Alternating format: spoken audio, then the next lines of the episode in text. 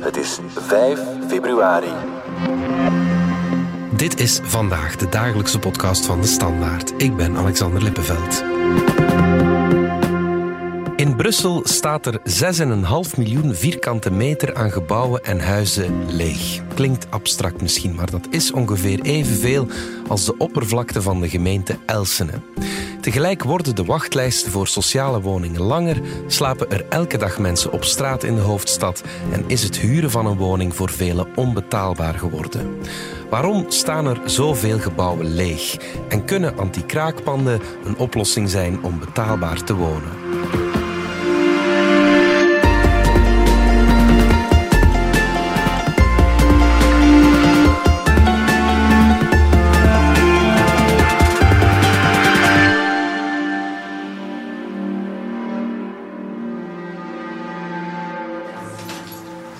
Welkom. Dank u. Hier is een onthaal. Ja, ja, ja. En hier is het ook. Oh. En er wordt gezongen. Onze collega's Minke en Lemja gingen op bezoek bij Wout. Hallo. Ja, heb ik een interview? Yeah, they're Ja. coming to check out the building. Hij is 27 en woont in toch wel een unieke woning. Er staan echt nog veel ziekenhuisbedden. Ja. Zo creepy. Ja, ik zou dat dus ook al creepy vinden. Dat is zo gek dat alles hier nog ligt ook gewoon. Ja. Allee. En zijn die confituurtjes ook van jullie of zijn die nog van toen? Oei, oei, oei. En er hangt dan een foto op van de bewoners. Van de bewoners. Dit was vroeger een Een, woonzorg. een woonzorgcentrum, ja. Een groot gebouw met veel kamers, allemaal aparte kamers. Een beetje ziekenhuis-vibe, met eh, lange gangen, met dan allemaal ja, links-rechts kamers. Waarvan wij, de bewoners, dan vier kamers hebben. Eh, Per persoon. vier pers- per persoon. Met dus ook vier badkamers, veel ziekenhuisbedden, veel een, een mooie blauwe parket en lelijke gordijnen. En, eh, Het verlaten woonzorgcentrum ligt in de Brusselse gemeente Anderlecht. Ik woon samen nu met Jonas hier, een maat van mijn studie van vroeger. En dan met vier anderen die ik hier toevallig heb leren kennen. Omdat het zo groot is of zo. We zitten hier met zes, maar het kan goed zijn dat ik al maand iemand niet tegenkom gewoon. Want dat hij er wel is. Omdat we zo apart wonen. Het gebouw wordt nu gebruikt als een anti-kraakpand. De zes bewoners wonen hier tijdelijk tot het gebouw een permanente invulling krijgt. En het is niet de enige anti-kraakwoning in Brussel. Ja, Antikraak, dan gaat het om een woonformule die door meerdere bedrijven in Brussel wordt aangeboden. Dit is Céline Drieskes. Doctoraatonderzoekster bij Cosmopolis, Center for Urban Research aan de VUB. Volgens verhuurders zijn anti-kraakpanden een win-win situatie. Zij spelen dus in op aan de ene kant die grote leegstand en aan de andere kant de grote vraag naar betaalbare woningen. En zij bieden dan een alternatief aan. Dus enerzijds naar de eigenaars van die leegstaande panden toe zeggen ze wij zorgen voor uw leegstand door er tijdelijke bewoners in te laten trekken. Die voorkomen dan dat de eigenaars leegstandstax of voorheffing moeten betalen. Die voorkomen de verpaupering of de verkrotting van het pand. En dankzij de aanwezigheid van die bewoners is het ook de bedoeling om te voorkomen dat er krakers zich in het gebouw zouden vestigen. En dan naar de bewoners toe zeggen die anti-kraakbedrijven wij bieden een hippe betaalbare woonoplossing aan. Avontuurlijk wonen noemen ze dat dan. Dat wil dus zeggen dat die bewoners er tijdelijk kunnen intrekken. In vaak dan een tamelijk uitzonderlijk pand, wat dus dan niet per se bestemd is als een, een woning. Dat kan dus gaan om kantoorruimtes, dat kan dan gaan om een verlaten kasteel ergens, een oude hoeve. En die prijs die je dan maandelijks betaalt, die ligt dan een stuk lager dan op de reguliere huurmarkt. Met anti-kraakinitiatieven kan je dus aan een aantrekkelijke prijs huren en het is een oplossing voor leegstand, want dat is wel echt een probleem in Brussel. 6,5 miljoen vierkante meter. Dat berekende de Brusselse organisatie Saint-Vide Leegbeek, die zichzelf de 20ste gemeente van Brussel noemt, naast de 19 echte gemeenten. Staat er dan echt zoveel leeg? Eerst zou ik eventjes willen zeggen dat leegstand op zich een fenomeen is dat nogal moeilijk in kaart te brengen is. Dit is Michael Rijkewaard, hoofddocent bij Cosmopolis. Het is zo, bij leegstand gaan we ervan uit dat het in elke woningmarkt normaal is dat een deel van uw woningen leeg staan. En dan spreekt men over frictieleegstand. En dat gaat dan over 3 tot 5 procent van uw hele woningenpatrimonium dat leeg staat, omdat het in renovatie is, omdat er mensen verhuizen. Dus dat is, er is ook een soort van normale leegstand. En alles wat er bovenop komt, heet dan structurele leegstand. dus die 6,5 miljoen vierkante meter oppervlakte aan leegstand in Brussel lijkt wel een realistisch getal dat ook aangeeft dat die 5% aan woningen die zouden leegstaan, dat dat een onderschatting is van het fenomeen. Om een idee te hebben van het aantal woningen dat leeg staat, wordt er in onderzoek ook vaak gekeken naar de verhouding tussen het aantal huishoudens en het aantal wooneenheden dat beschikbaar is. En dan zien we dat bijvoorbeeld zowel in Vlaanderen als in Brussel eigenlijk het aantal woningen sneller toeneemt dan het aantal huishoudens. Maar tegelijkertijd geeft dat ook maar een heel partieel beeld, omdat natuurlijk in dat overtal aan woningen dat er is tegenover het aantal huishoudens, daar zitten heel wat fenomenen onder. Daar zit zowel leegstand onder, maar ook alles wat tweede verblijven zijn, studentenhuisvesting, Airbnb-woningen, zeg maar. Die zitten allemaal in dat aandeel extra woningen die je hebt eigenlijk op, op de markt tegenover netto het aantal huishoudens dat in een gewest moet gehuisvest worden. Hoe kan het dat die gebouwen blijven leegstaan? Daar zijn verschillende verklaringen voor. Tijdelijke leegstand door renovatie is er eentje, of een plek waar tijdelijk niemand woont omdat de vorige bewoner verhuisd is. Maar er zijn nog redenen volgens Rijkenwaard. Het is zo dat eigenlijk ook voor, voor eigenaars het niet altijd nodig is om heel snel een leegstaand pand terug bewoond of, of in gebruik eh, te doen nemen. Omwille van het feit hoe dat de vastgoedmarkt en de woningmarkt in zijn geheel werkt. Dat er ook ondanks dat een pand leeg staat, dat er toch een waardevermeerdering intrinsiek optreedt. We weten dat systematisch woningprijzen, vastgoedprijzen sneller stijgen dan de inflatie, sneller stijgen dan de inkomens.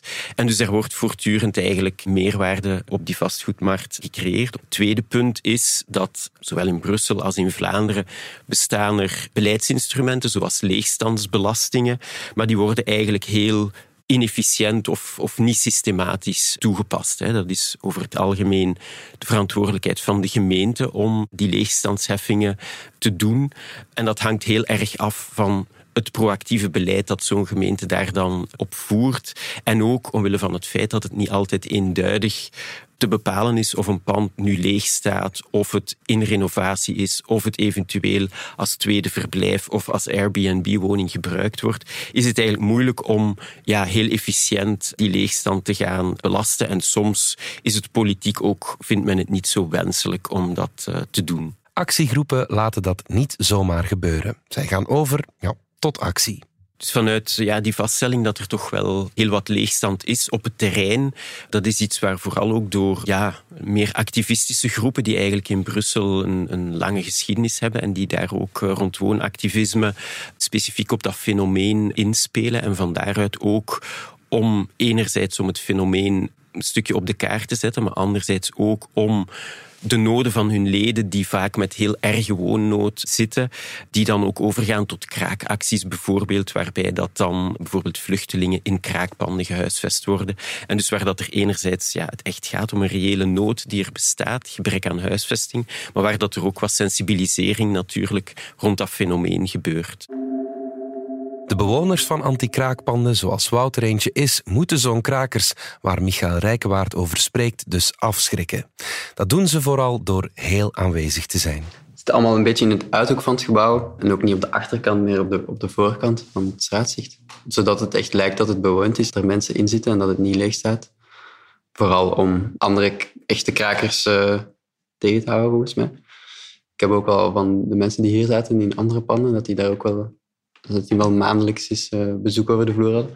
Vaak als die dan zagen dat er mensen al wonen, dat die gingen ook wel, ook wel weg. Dus. Woningkraken is natuurlijk illegaal in België, maar wat is dan het verschil tussen kraak en antikraak? Want in die twee gevallen trekken mensen in een leegstaand gebouw dat niet van hen is. Je hoort opnieuw Celine Drieskes.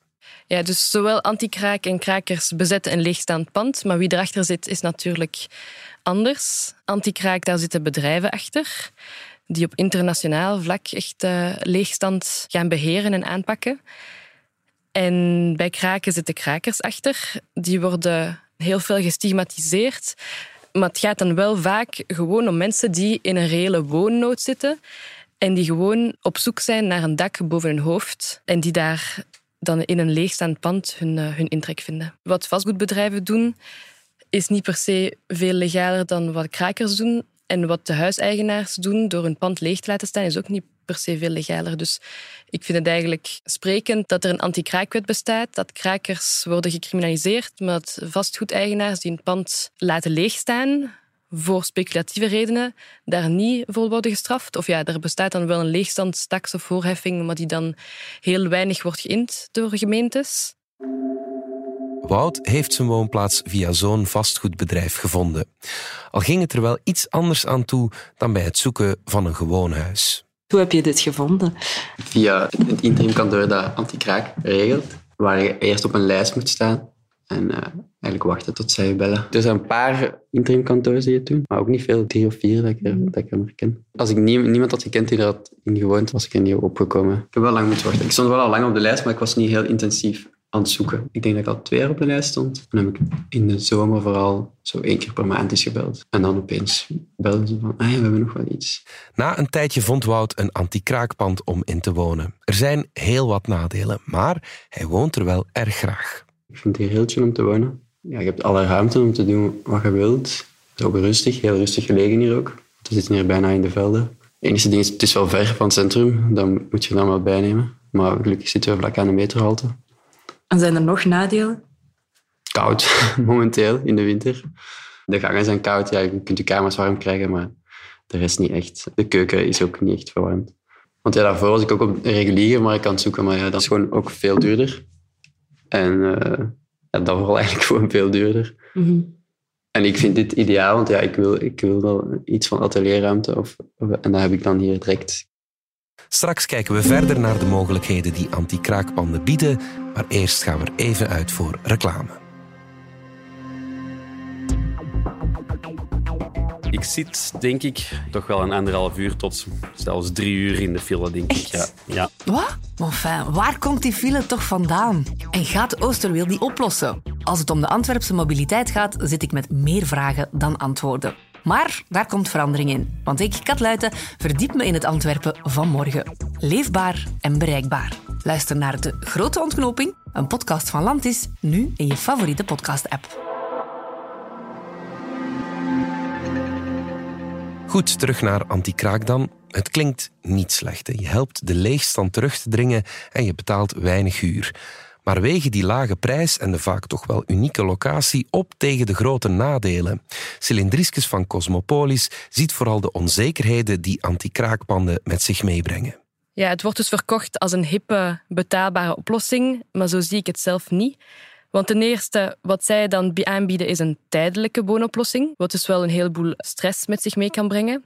Je weet als bewoner eigenlijk nooit of je er binnen twee of drie weken nog woont of niet. Het opzegtermijn is echt miniem. Dat spreekt sommige mensen dan misschien wel aan, maar die woononzekerheid is lang niet voor iedereen. Ten tweede, qua kwaliteitsnormen en zo, wordt daar ook niet aan voldoen in die panden die um, door die anti-kraakbedrijven worden beheerd. Uiteindelijk hebben die tijdelijke bewoners die daar een intrek hebben in die leegstaande panden, ja, die hebben eigenlijk bijna nagenoeg geen huurdersrechten. En je bevindt je dus echt in een grijze zone waar je als, als bewoner je niet kan verdedigen tegen die huisbaas die dan ja, wordt gespeeld door die anti-kraakbedrijven. Ten derde, die prijs die ligt, zoals ik eerder al zei, lager dan op de reguliere huurmarkt. Maar uiteindelijk ligt die toch niet altijd zo laag. Het is dus niet alleen roze geur en maneschijn, integendeel. En toch komen er steeds meer anti-kraakwoningen bij. En volgens Wout, die in zo'n pand woont, zal dat blijven gebeuren. Ik denk dat dat wel altijd gaat blijven bestaan. Er gaat altijd gebouwen zijn die geen leegstandtax willen betalen en even een nieuwe eigenaar of iets, even die tussenperiode zitten. En dan is dit de ideale invulling daarvoor. Er, er, blijven nieuwe gebouwen komen. Hopelijk misschien nog meer inderdaad in de toekomst, want de gewone reguliere markt wordt steeds duurder. En ook steeds strenger. Je moet altijd meer, meer documenten voor kunnen voorleggen en meer dingen bewijzen. En het werkt wel, denk ik, aan ja. antikraak. Ik zie me lang, ja, wel lang in antikraak blijven wonen. Hoe de huizenmarkt zal evolueren, dat is natuurlijk moeilijk te voorspellen. De onderzoekers geven aan dat het een slechte evolutie zou zijn mochten anti-kraakpanden een structureel deel van de huurmarkt worden, zoals in Nederland. Beter zou zijn dat de panden door sociale organisaties zouden worden gebruikt voor mensen die noodgedwongen even zonder woning zitten. Antikraak is op dit moment lang niet aantrekkelijk voor iedereen, ook al is Wouter nog zo tevreden van. Dat zegt Céline hij vertegenwoordigt dan echt wel een heel klein deel van de inwoners van Brussel die heel snel of heel mobiel willen zijn. Dat is dan vaak het jongste deel van de bevolking. En ik denk ook dat die mensen die eigenlijk in Antikraak wonen, ja, daar is misschien een beetje iets exciting of iets van spannend zijn. Ik kan misschien wel binnen twee weken eruit worden gezet. Of dat zijn mensen die vaak gewoon ook het kapitaal hebben om tamelijk mobiel te zijn. Dus ze weten dat als ze er binnen twee weken uit moeten, dat ze wel altijd ergens bij familie of vrienden terecht kunnen. Of dat ze op de huurmarkt, op de, gewoon reguliere huurmarkt, ook wel iets kunnen vinden. Terwijl dat er een heleboel huurders zijn in Brussel die als ze uit hun huis worden gezet, met niks zitten. En ook niet meteen gewoon ergens anders terecht kunnen. En dus antikraak, dat lokt ja, een kapitaalkrachtige middenklasse aan die veerkrachtig is en als het moet wel ergens anders terecht kan op de huurmarkt. Maar stel nu, je bent alleenstaande ouder, je bent al dakloos of thuisloos geweest, je hebt een asielaanvraag ingediend en wacht nog op een antwoord, dan is natuurlijk het laatste waar je op staat te springen een woning waar je nul bescherming geniet.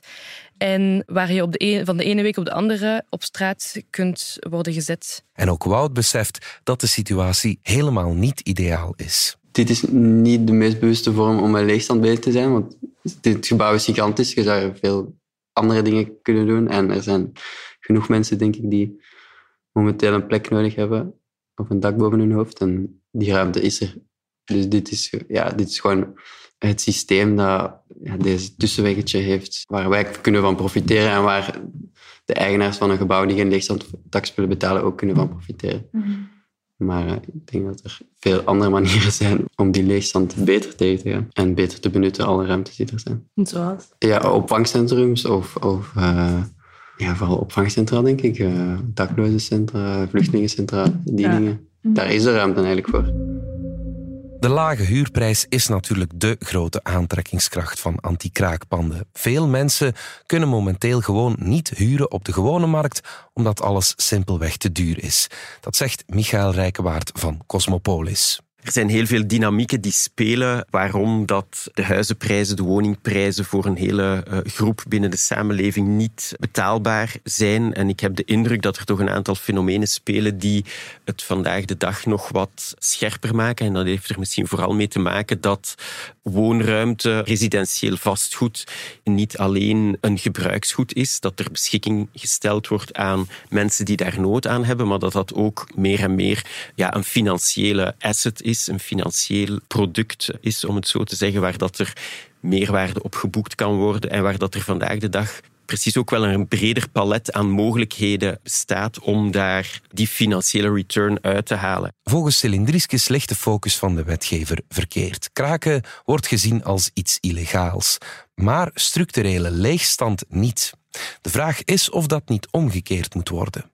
En wat ik dan ook nog sprekend vind, is dat in België dus sinds 2017 de anti-kraakwet bestaat, die vorig jaar in december nog is aangepast.